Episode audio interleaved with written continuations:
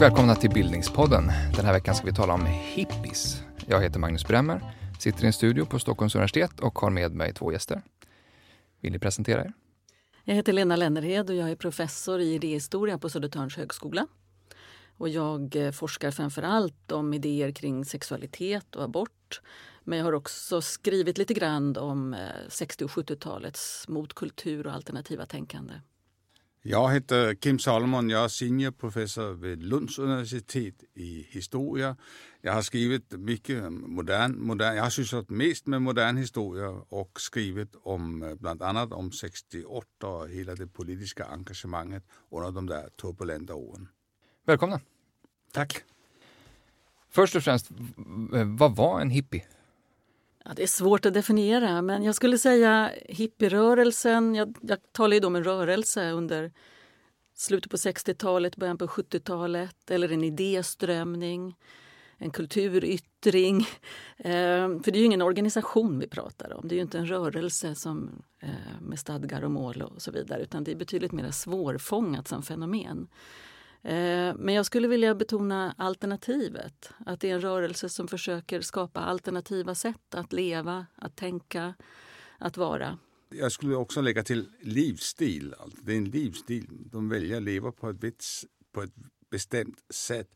De lyssnar på en bestämd typ av musik, och de, eh, rockmusik och de försöker alternativ till det etablerade samhället. De vill ställa sig utanför det etablerade samhället och, och ifrågasätta auktoriteter, alla typer av auktoriteter. Kan man säga var någonstans den här rörelsen börjar? Ja, om vi idag eh, talar om hippierörelsen så tänker vi ju automatiskt på eh, San Francisco och någon gång 66, 67 där det verkligen hundratusentals hippies plötsligt dyker upp som blommor ur marken. Men det är klart att man kan hitta Eh, man kan hitta för, företeelser som man eh, i mindre format tidigare i historien. Finns det några exempel? Det, var, det måste vara någonting som låg i tiden. Och eh, det försiggick bland annat av den här, en rad amerikanska författare med, som Jack eh, Kerouac och eh, Allen Ginsberg bland annat som på något sätt... Beat, beatförfattare? Som ja, de kallades beatförfattare. Vad var det? Eller beatnikrörelsen? Ja, beatnik. Det var de som följde, följarna av de, de här beatförfattarna kallades beatnik. Och beat kommer av det där, vad var det Jack eh, sa? Han sa att eh, beaten by the mainstream culture. Det var alltså, eh, man opponerade sig mot eh, det etablerade samhället. Och vad som är centralt egentligen i, i den här beat, beatniksrörelsen, eller de här beatförfattarna, det är, och, och som sen hippierörelsen tar upp, det är det här med autenticiteten. Det vill säga att um, man ska söka det autentiska, inte konsumtionssamhället, inte hyckleriet, inte den här maktpolitiken, utan det autentiska. Och det går igen som ett starkt drag i hippierörelsen. Likaledes också är man äh, starkt äh, betonar individualismen. Det här frigörelsen från det etablerade samhället. Att man ska förverkliga sig själv. Det fanns i den, de, hos de här beatförfattarna och det ser man också tydligt i hippierörelsen att det går igen där. Och det finns ju flera saker som jag tänker på som bitförfattarna intresserade sig för. Till exempel zenbuddismen. Den är ju väldigt tydlig i, i, i hippierörelsen. Alltså detta intresse för religioner. Eh, det kan vara alltså, buddhismen, hinduismen. Alltså att man närmar sig det österländska. Det är ju ett starkt drag i hippierörelsen och det hittar man ju också hos bitförfattarna som ett alternativ till den västerländska rationaliteten så kan det finnas någon typ av kunskap eller sanning där istället. Eh, men sen tänker jag på det här med var det börjar någonstans. Det beror ju på. Man kan ju hitta svärmare och utopister och eh, grupper som skapar kollektiv och sådär långt tidigare och som ju kan påminna om eller ha drag av det som vi sen kallar för hippierörelsen.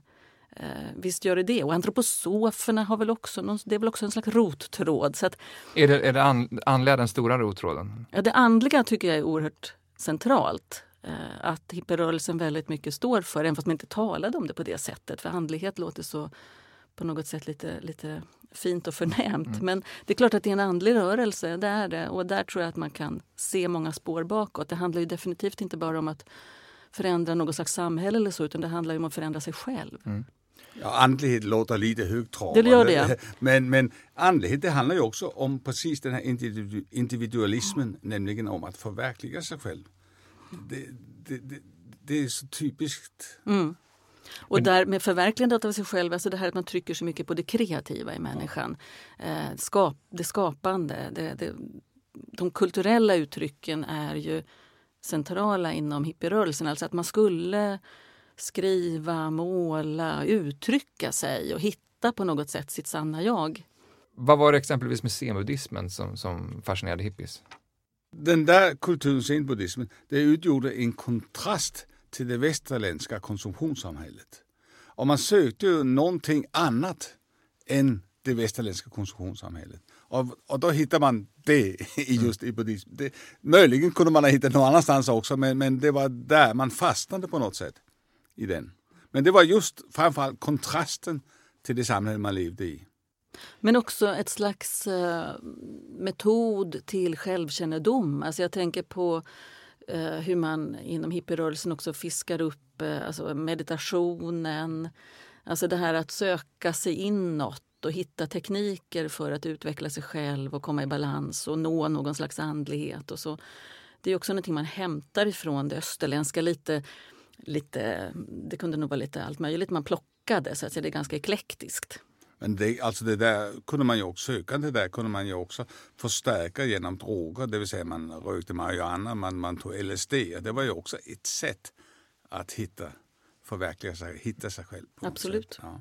Och det handlar ju om att vidga sitt medvetande, för det var ju det man talade väldigt mycket om. Alltså att vidga sitt medvetande, att nå utöver det som är här och nu och de begränsningar vi har. Och då kan man ta drogerna till hjälp eller österländska religioner. Om vi bara ska stanna kvar lite vid förhistorien. Ibland nämner man ett sånt här kollektiv som i, i Mont Veritas i Schweiz eh, i början av 1900-talet som ett första hippie-community. Eh, skulle ni hålla med om det? Kan man kalla dem för hippies? Nej, jag tycker inte man kan kalla dem för hippies, men de, det finns vissa likheter mellan hippiekulturen och Eh, det där första embryon där. Eh, Vilka var likheterna? Ja, men likheten var ju att man ställde sig utanför eh, det etablerade samhället, reagerade mot konventioner, man sökte vegetari, vegetarianer man, och hade också en friare syn på sex. Så där, där, finns en rad likheter. Vilka var de mer specifikt? Vad jag förstår så var det ju inte det var ju inte samma kategori, sociala kategori som hippierörelsen. Det vill säga, Hur då? Ja, hippierörelsen det var ju un, unga medelklassbarn, vita. Det här var ju nog mer eh, överklassfenomen äh, än, än hippierörelsen var. Men Lena, skulle du kalla det för en, liksom en, en, en slags förgrundsfigurer eller så? Inte förgrundsfigurer på det sättet att hippierörelsen kände till dem och bekände sig till något slags arv. Eh, men, Men det jag sett, ja, det är besläktat. Det finns drag av det här som, som Kim säger också, vegetarianismen, det fria livet. Eh, att man skapar ett alternativ vid sidan om. Att man flyttar ut på landet. Alltså det är också det agrara som man ju värnar om, naturen och så. Och jag också, tror ju också att det fanns inslag av intresse av det österländska också på, på, på den här platsen. Men det är ju en väldigt liten och exklusiv rörelse. Men det intressanta är ju ändå att många intellektuella åker dit och är där och tar del av det. Och så. Men jag tror också, precis som Kim säger, att det är en stor skillnad i det här att hippierörelsen var ett ungdomsuppror. Och det här är någonting annat. En sak som jag tycker är mycket fascinerande när jag har sett den här filmen på tv om, om den här gruppen. För menar, man känner ju till att såna här idéer finns tidigare i historien. Men när man ser bilderna så skulle ju jag jag skulle kunna ta miste och tro att det var en bild från tidigt 1970-tal. De såg verkligen ut som hippies? Väldigt mycket. Män med långt hår, skägg, lite lösa kläder, långa skjortor. Kvinnor med lite också långt sväv, fladdrande hår och, och klänningar. Och det där tycker jag är så intressant att estetiken i hur man klär sig, den är extremt lik 1970-talets sen. Men du tror inte det kan vara en inspiration från tidigare epoker? Det kan det ha varit, men jag vet inte riktigt hur de banden ser ut genom eh, årtiondena sen. Man får också tänka på att det var, som Lina säger, en liten exklusiv grupp det där. Hippierörelsen, plötsligt 1966, flera hundratusen hippies. Alltså det, det, det, är ett helt annat fenomen som in, på det, i det avseendet inte har några likheter med, med föregångaren. Det, det, var en, en explosion. Men vad var det som hände där och då? Som skapade dessa, dessa tusental av hippies? Hippierörelsen var en klockren träff i tidsandan. Uh, för, uh, på något sätt uh, så kunde man, kan man ju avläsa i, den här, i de här beatförfattarna under 50-talet att det fanns några idéer, det fanns några tankar som på något sätt de avläste och, och, och som de uttryckte och artikulerade och som låg i tiden. Som på något sätt äh, appellerade till en generation. Men vad det var som hände, man, man, man, måste se det här i lite bredare perspektiv och säga att en central faktor här för att förstå hippierörelsen, det är välfärdssamhället. Jag menar? Ja, på det sättet att i början på 1900-talet var det många som bekymrade sig om att få mat för dagen. Den här generationen i rörelsen behövde inte bekymra sig om att få mat för dagen. Alltså vi, hade haft, vi har haft en, en, en, en ekonomisk utveckling som har skapat en, en, en medelklass som har, har tid och råd till att engagera sig i annat än att få mat för dagen. Det är mycket enkelt uttryckt förstås. Uh, jag, jag, jag, tror det är en, en, en, en det, det, är en viktig faktor. En annan faktor är förstås urbaniseringen. Att eh, större sam, samlas i städerna, fler och fler flyttar till städerna, städerna växer. Städerna blir miljöer för där det enklare kan utvecklas subkulturer. Det sker inte på landsbygden. Mm. Det, eh, det var inte där hippierörelsen växte sig starkt. Så det finns en rad infrastrukturella förhållanden. Men ni talar också om det som en motkultur. Det här är ju ett mm. 60-talsbegrepp. Eh, mm. Vad är det i det som är, som, som, är utmärkande för den här rörelsen? Jo, för jag tänker precis som Kim säger att det finns vissa förutsättningar för att det här ska kunna bli stort och brett och omfatta många.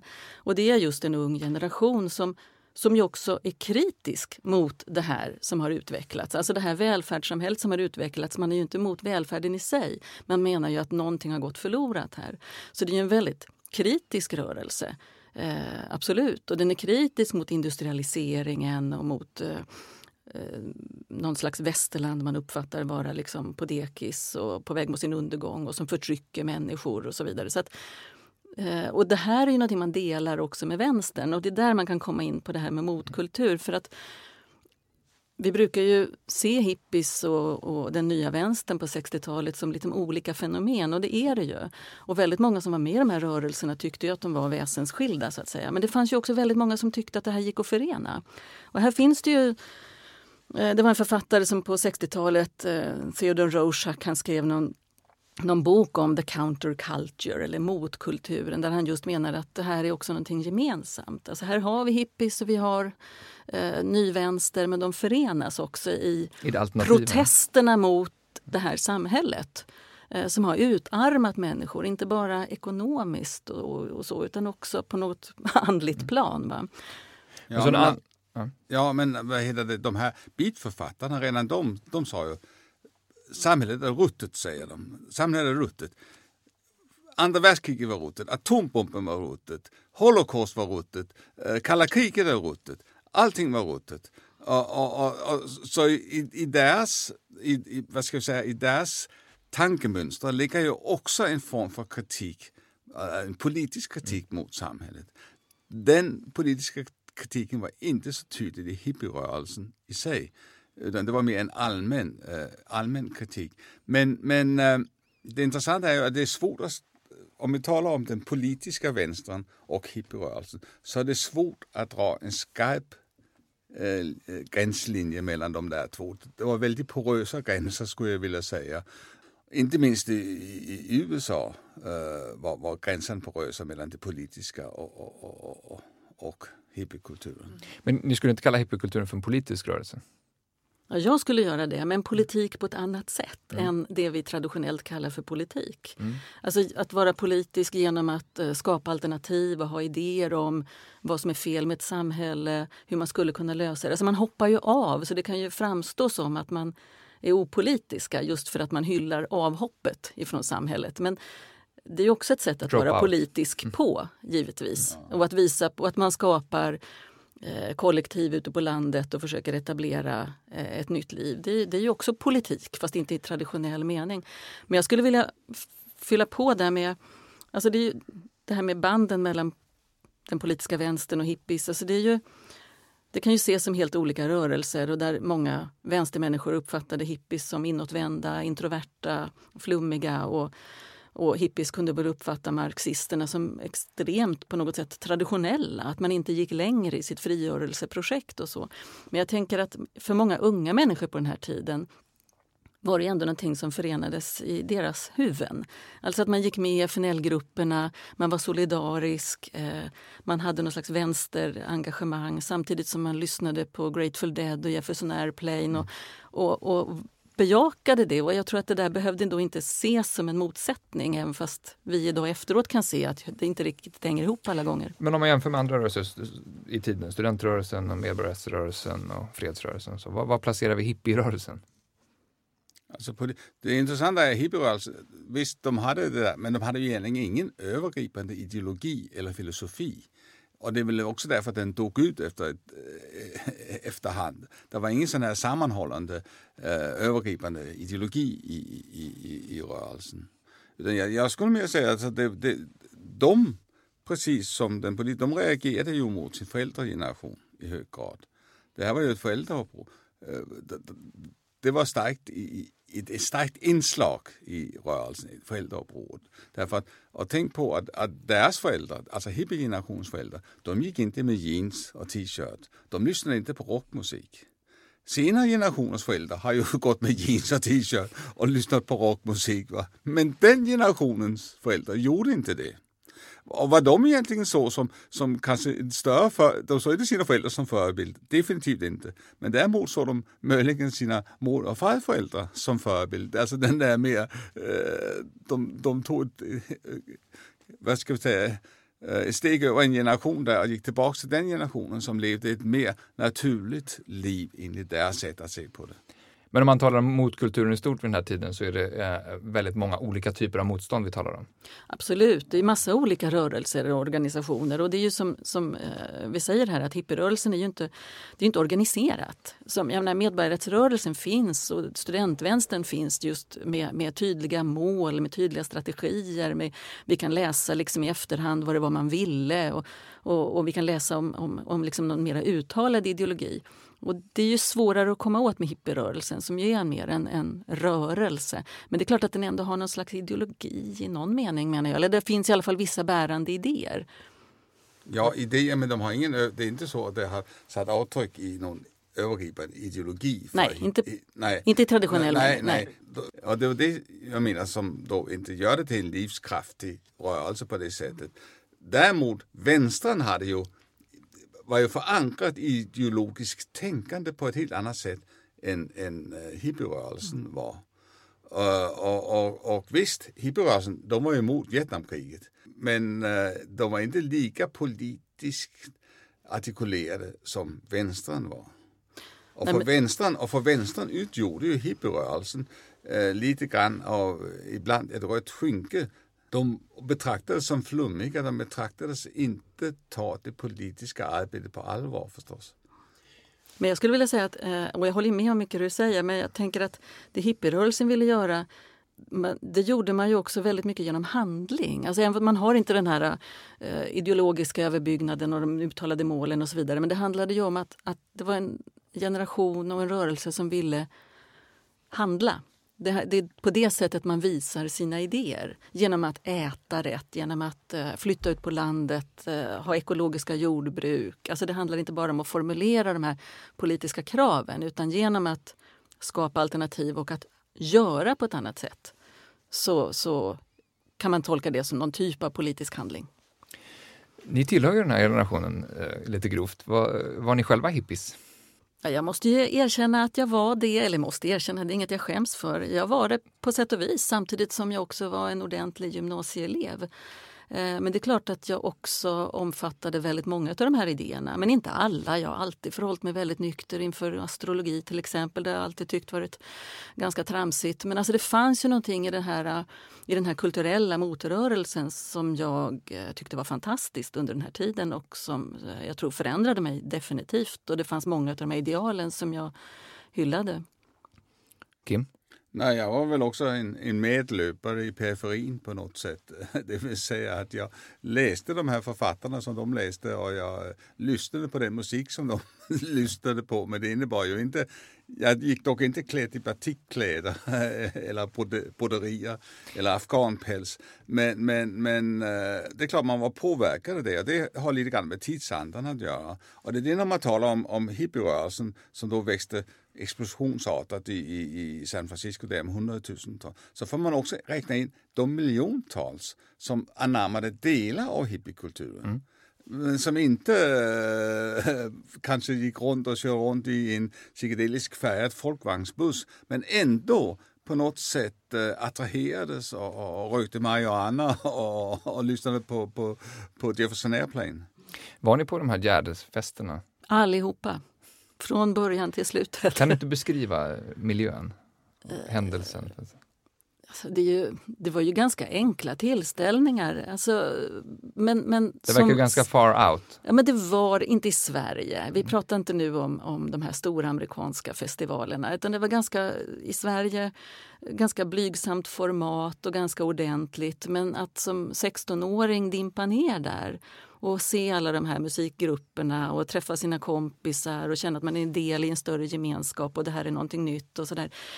Det var väldigt eh, häftigt för en ung människa. Men jag tror att vi också kan i efterhand mytologisera mycket av framförallt det som hände i Sverige och göra det kanske större än vad det var och så vidare. Men det hade ju betydelse ändå för många personer. Det hade det.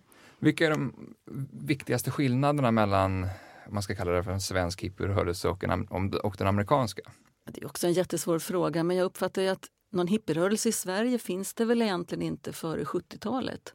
Det finns ju föregångare, personer, även i Sverige men det, som, som bredare fenomen så är det väl någonting som ju kommer här på allvar under tidigt 70-tal. Och eh, då börjar ju många i USA säga att det börjar klinga av där. Så det, mm. ja, det är svårt är, att säga. Men... Är hippierörelsen i Sverige mer politisk än den amerikanska exempelvis? Nej, det tror jag inte alls. För den amerikanska tror jag var mycket mer politisk än vad vi minns den. Mm. Eh, definitivt. Och det kan ju också göra med när det startar. och så. Eh, så det tror jag inte. Men den, delvis var den ju också politisk i Sverige. Men framförallt så tar den väl sett sitt... Eh, den blir ju väldigt mycket en kulturell rörelse med, med musiken som, som ett starkt nav. Och sen att den också sen banar väg för gröna vågen. Folk flyttar ut på landet. Eh, kollektiv. Och den politiska vänstern i Sverige, vilken syn har man på hippies? Nej, alltså för den verkliga den politiska vänstern, om vi talar den längst ut till vänster, eh, då var det ett totalt främmande fenomen. Eh, hippierörelsen, man vill inte ha någonting med dem att göra.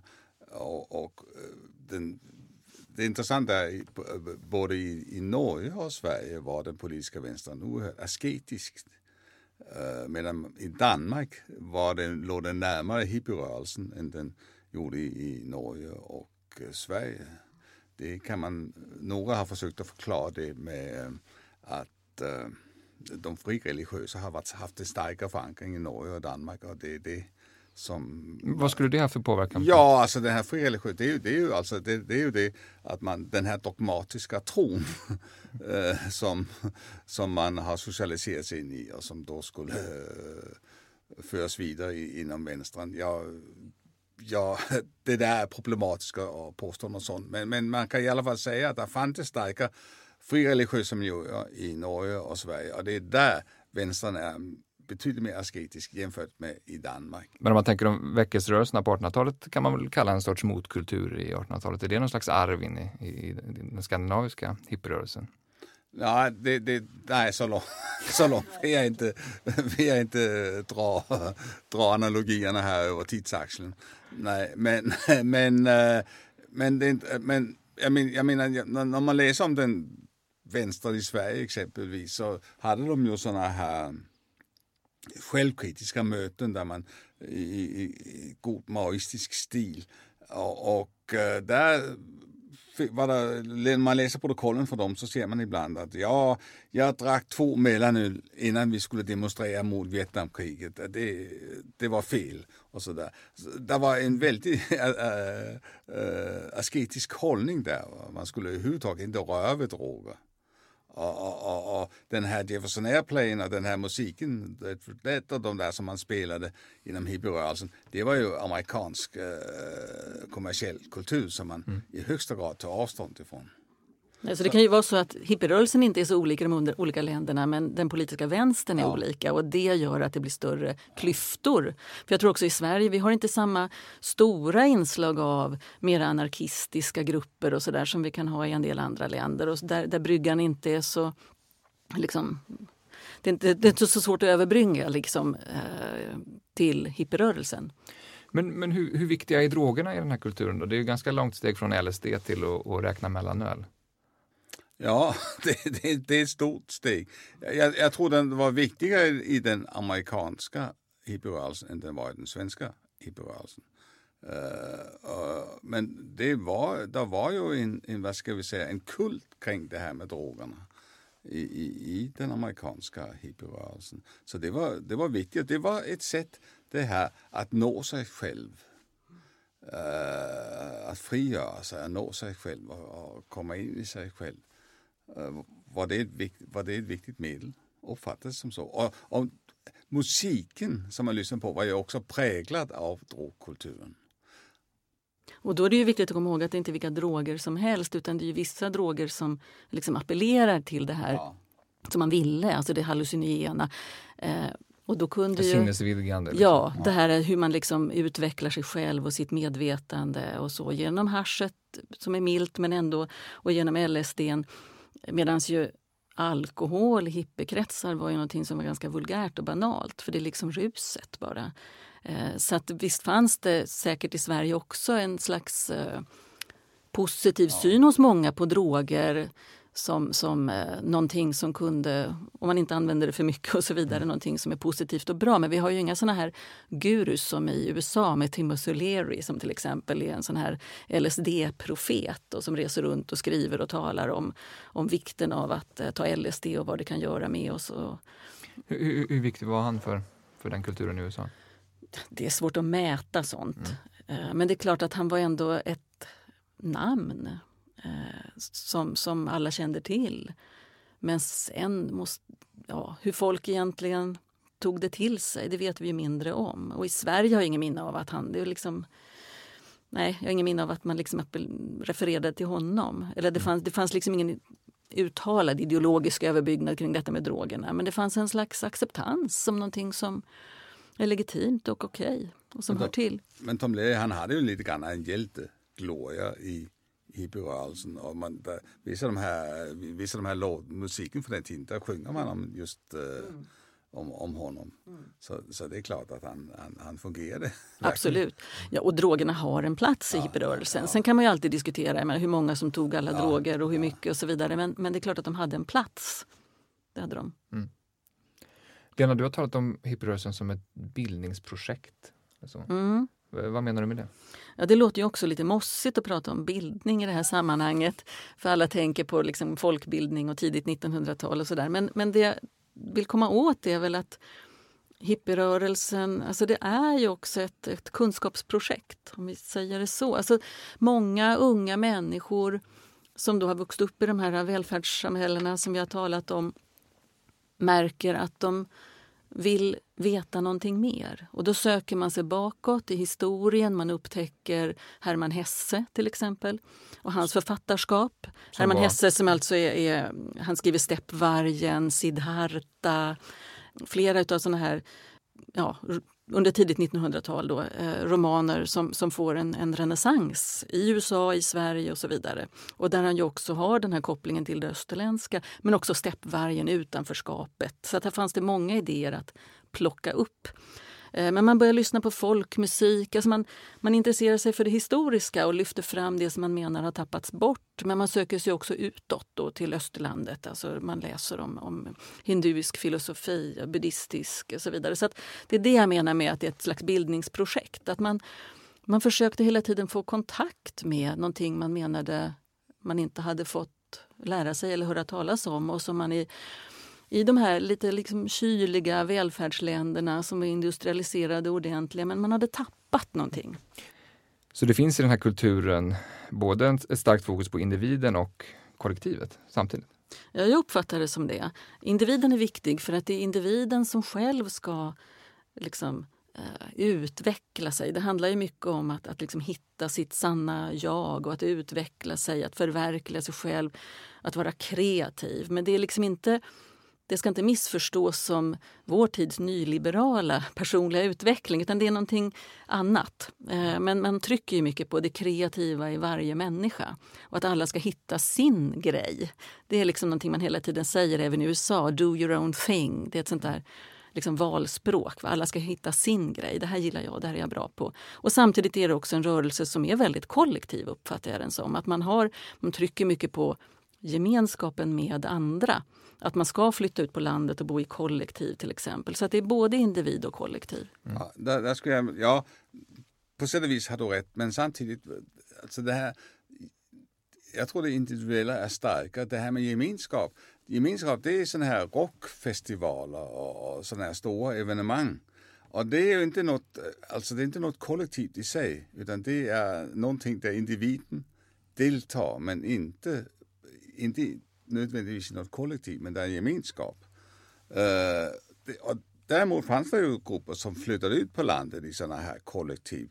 Uh, uh, men det var ju långt ifrån alla som gjorde det. Men du har också i Danmark, Christiania. Det är väl också det är ett väldigt stort kollektiv. En fristat som det kallades för dessutom. Eh, som ju också är ett, någonting som har sprungit ur eh, den här rörelsen. Ja, det, jag, men jag vill inte kalla det kollektiv Christian. Jag, jag vill säga att det är en, ett samhälle bestående av en massa individer. Mm. Men samhällstanken är väl ändå kollektivistisk? Någon, någon... Mm, ja, nej men alltså det, det, är ju fortfarande rätt individorienterat. Okej, okay, vi, vi, vi, här fanns ju plötsligt, det var ju en gammal kasern som låg öde där och den ockuperade de. Och det var en massa individer som ockuperade och, och, och så kom fler, det var ju liksom Eh, och, och därmed växte fram, Christiania växte fram. Och, och, och, de har haft oerhört problem med att agera eh, gemensamt mot myndigheterna. Jo men det vet vi att kollektivet ja. alltid har problem eller samhällsalternativen har ju alltid problem och för det mesta brukar de dö ut. Alla de här försöken att skapa någonting annat. Vare sig det är Christiania eller ute på landet så blir det komplicerat och folk börjar bråka och tycker olika och så vidare. Men jag tycker ändå att, att den här Ja, det är en strid om ord här, men jag tycker att det är både individ och kollektiv, så att säga, eller gemenskap. Ja. Det finns ju vissa som hävdar att nyliberala drag i senare tider eh, har rötter i den här rörelsen och samtidigt alla de andra associationerna som ni är här. Vad va är det den här rörelsen som är så som öppnar för de här breda eh, tolkningarna? Ja, alltså, det är ju det, det är inte, alltså det, det är att den har en otydlig ideologi och filosofi. Alltså den har, det, är ingen sån här, du kan stoppa, det är ingen rörelse du kan stoppa in i ett fack och säga de är konservativa, de är liberala eller de är marxister eller någonting sådant. Det går ju inte med, med, med den här hippierörelsen utan det är en, eh, vad de har, de har, de är emot en massa. De är kanske för mindre saker än de är emot. Uh, på det sättet är det nästan, jag vill inte säga populistiskt, men det finns populistiska stråk i, i, i rörelsen. Men, men ähm, så det, de är emot en massa, va? Men, men gemensamt är ju att de reagerar mot det etablerade konsumtionssamhället. De beskrivs ju ofta som flummiga så där efterhand. Är, är det det du försöker beskriva här? Nej, nej jag menar, ja, det fanns flum säkert i, eller det fanns flum i hippierörelsen. Eh, och, och, och den här drogkulturen eh, är ju flummig på, på sätt och vis. Eh, så det fanns flum i det, men det fanns ju också en, en uppriktig reaktion, en uppriktig kritik mot samhället i stort. Men jag måste ändå säga att jag tycker, alltså det är klart att det kunde mycket kunde vara flummigt i någon slags eh, negativ mening. Det vill säga att det är, det är rörigt, ogenomtänkt, vad det nu kan vara. Men jag vill ändå koppla tillbaka till det här kunskapssökandet och hur man ändå försökte genom olika tekniker, vad det nu kunde vara, droger eller meditation eller musiken eller, eller vad det nu kan vara försöka vidga sitt medvetande, försöka komma längre, försöka bli klokare på något sätt. Eh, det är ändå ett starkt element hos många eh, i den här rörelsen och som jag också tror har vi har olika uttryck för det kvar i musik, i litteratur och så vidare. Vad, vilka är de viktigaste arven från den här rörelsen in i vår egen tid? Ja, jag skulle säga livsstils, livsstilen, den ändrade livsstilen tror jag är ett viktigt arv. Hur då? Att, ja, att, att, att jo, men som har varit inne på så både hippierörelsen liksom också vänstern ifrågasatte ju auktoriteter på ett sätt som man inte hade gjort tidigare och sökte andra sätt att, att uh, lösa de stora samhällsfrågorna. Och det, det tror jag, det, det, det, har satt avtryck, uh, det har satt avtryck framöver. Vilka typer av avtryck? Alltså, in, mer jo, än bara jeans och så? Ja, nej, ja, i klädstil, ja, men, mm. ja, men klädstilen är ju ett viktigt sätt att uttrycka äh, sin syn på samhället i stort. Går du konventionellt klädd i kostym och slips eller går du i jeans och, och, och, och t-shirt? Det är ju ett viktigt sätt att, äh, det är en viktig markör äh, på, på, på, något sätt.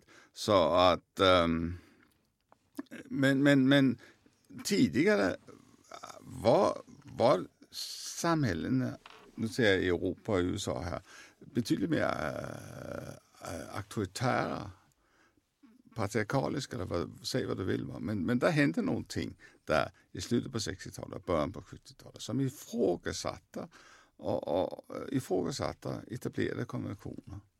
Lena, vad vill du säga om det?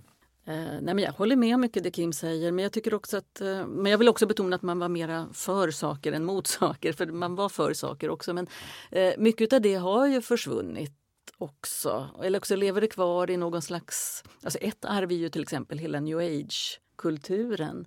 Den är ju ett väldigt tydligt liksom arv från hippierörelsen men där man också kan dra trådarna bakåt. Annars så tänker jag mycket på de kulturella uttrycken. Alltså, som, och det är också svårt att mäta. Men, men eh, musiken till exempel som ju var så central eh, under den här tiden. Den är ju någonting som vi också bär med oss och som har påverkat senare musiker också. Så de kulturella inflytandena tycker jag inte har varit så obetydliga. Nej, nej det håller jag med om. Och sen kan, pekar man ju också på mer konkreta, eh, hela den här med, med vad heter det, Eh, PC, personal computer, hela den mm. tanken eh, har sina rötter i, i, i folk i hippierörelsen. Det vill säga det här att man eh, man ska inte ha, det är inte IBM och de här stora dataföretagen som ska ha monopoliserat de här eh, dat datorerna utan vi ska ha våra egna datorer, personal computer, PC. Och det, och det var tänkande och Steve Jobs från Apple har ju också sina rötter i den här hippiekulturen. Han var själv del i den. Uh, så att uh, på det sättet har det också satt sådär konkreta avtryck. Eh, varför blev man intresserad av, av datorer inom hippierörelsen? Ja, intresserad av datorer, men man såg ju de här stora dataföretagen med IBM i spetsen som på något sätt monopoliserade Eh, det här med datorerna och det var ju liksom ett led i hippierörelsen att ifrågasätta de här stora bolagen. Eh, det, det låg liksom i deras eh, kultur. Och de här stora bolagen de var ju inte alls intresserade i att, att eh, var, var man eller kvinna skulle ha sin egen computer. Utan det var, utan det var liksom ett sätt att uh, subversivt ifrågasätta de stora uh, bolagen. En personal computer, en PC. Det var, det var de som myntade uttrycket. Ja. Mm.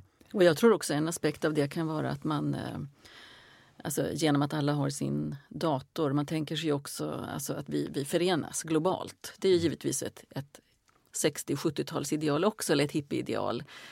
Detta med att vi, vi erkänner inte nationsgränserna utan vi är liksom en, Mm. Vi är någon typ av världsmedborgare som sitter där med våra datorer. Men det är ju också intressant eftersom det fanns ett starkt stråk i hippierörelsen mot teknologi. Eh, och hur det har liksom eh, förstört väldigt mycket för västerlandet och, och, och med, med, industrialismen och så vidare. Och där ju teknologin sågs som, som kopplad till makten, någonting negativt. Medan här kommer det ut på ett annat sätt och här är det något instrument vi kan istället använda oss av. Är det återigen någon slags modell om, om, om mot och för som ni har varit mm. inne på här? Man, är, man är emot uh, uh, maktkoncentration eller stora företag och så vidare. Mm. men också är för tillgänglighet och mm. gemenskap och så vidare. Ja, fast jag tror inte riktigt att man då på 60-70-talet hade visioner om att man skulle kunna koppla upp datorer globalt och vara gränsöverskridande. Det hade man nog inte, inte ens Steve Jobs tror jag hade de visionerna. På, eh, på, mm, Någon slags föreställning om, om, ett embryo till? Då, ja, ja eh, möjligen, eh, möjligen. Men man får ju tänka på att, att alla de här som tillhörde alla de här som var aktiva i, i hippierörelsen, de, de var det ju under en kortare period i sitt liv. Sen på något sätt slussades de ju in i, i samhället i stort. Uh, och, och, och, och, det är klart att den, det här, de var hippie under sina formativa år. Och det är klart att det har ju satt sin, sin, sin, sin prägel på deras, på deras livsstil, på deras hållningar. Inte så att de for, fortfarande gick i... De slängde sina partikläder men, men, men mentalt har de fortfarande tror jag man fortfarande bär det med sig. Vad skulle hippisarna säga om en sån här ytlig datingapp som Tinder till exempel? Ja, troligtvis att den just var ytlig. Eh, samtidigt som jag också tror att hippies, jag menar man bejakade ju möten mellan människor av alla de slag och, och någon typ av fri sexualitet ändå så att det kanske inte är så entydigt. Men alltså hippisarna skulle väl snarare man, man värnade ju också om det naturliga och det organiska och det här som händer i ett möte mellan två människor. Alltså det är där man kanske då skulle tycka att den här appen var väldigt ytlig och eh, svår att, att liksom handskas med. Att vi skulle hamna i någon slags mer konsumistiskt eh, ideal av sexualitet och relationer och det är ju inte det man är ute efter. Eh, bland hippisarna. Eh, utan där är det ju, jag menar, visst kan relationer upplösas, de kan, man kan ha sexuella relationer med, med olika människor och, och det behöver inte vara så fast alla gånger. Men det, man vänder sig ändå mot det här konsumistiska i relationerna. Eh, sen kan man ju fundera över hur sexuellt fri man var inom hippierörelsen. Eh, det är ju framförallt en väldigt, eh, det är ju så tydligt när vi tittar på det idag, att det är en väldigt heteronormativ rörelse. Mm. Även fast eh, jag menar, Ginsburg och de andra var ju homosexuella killar. Men, men det, som rörelse, som fenomen så talade man väldigt lite om, om eh, eh sex med personer av samma kön till exempel. Mm. Utan det var ju en ganska heterosexuell rörelse och där kvinnor och män också hade väldigt tydliga roller. Alltså man upp, jo, men det är i alla fall mitt intryck av när man läser eh, texter från den här tiden. Och man hyllar gärna kvinnan, det kvinnliga. Och det är ju inte en slump att männen också ska ha långt hår och liksom blommiga kläder och sådär. Att det finns något slags något kvinnligt man vill hylla.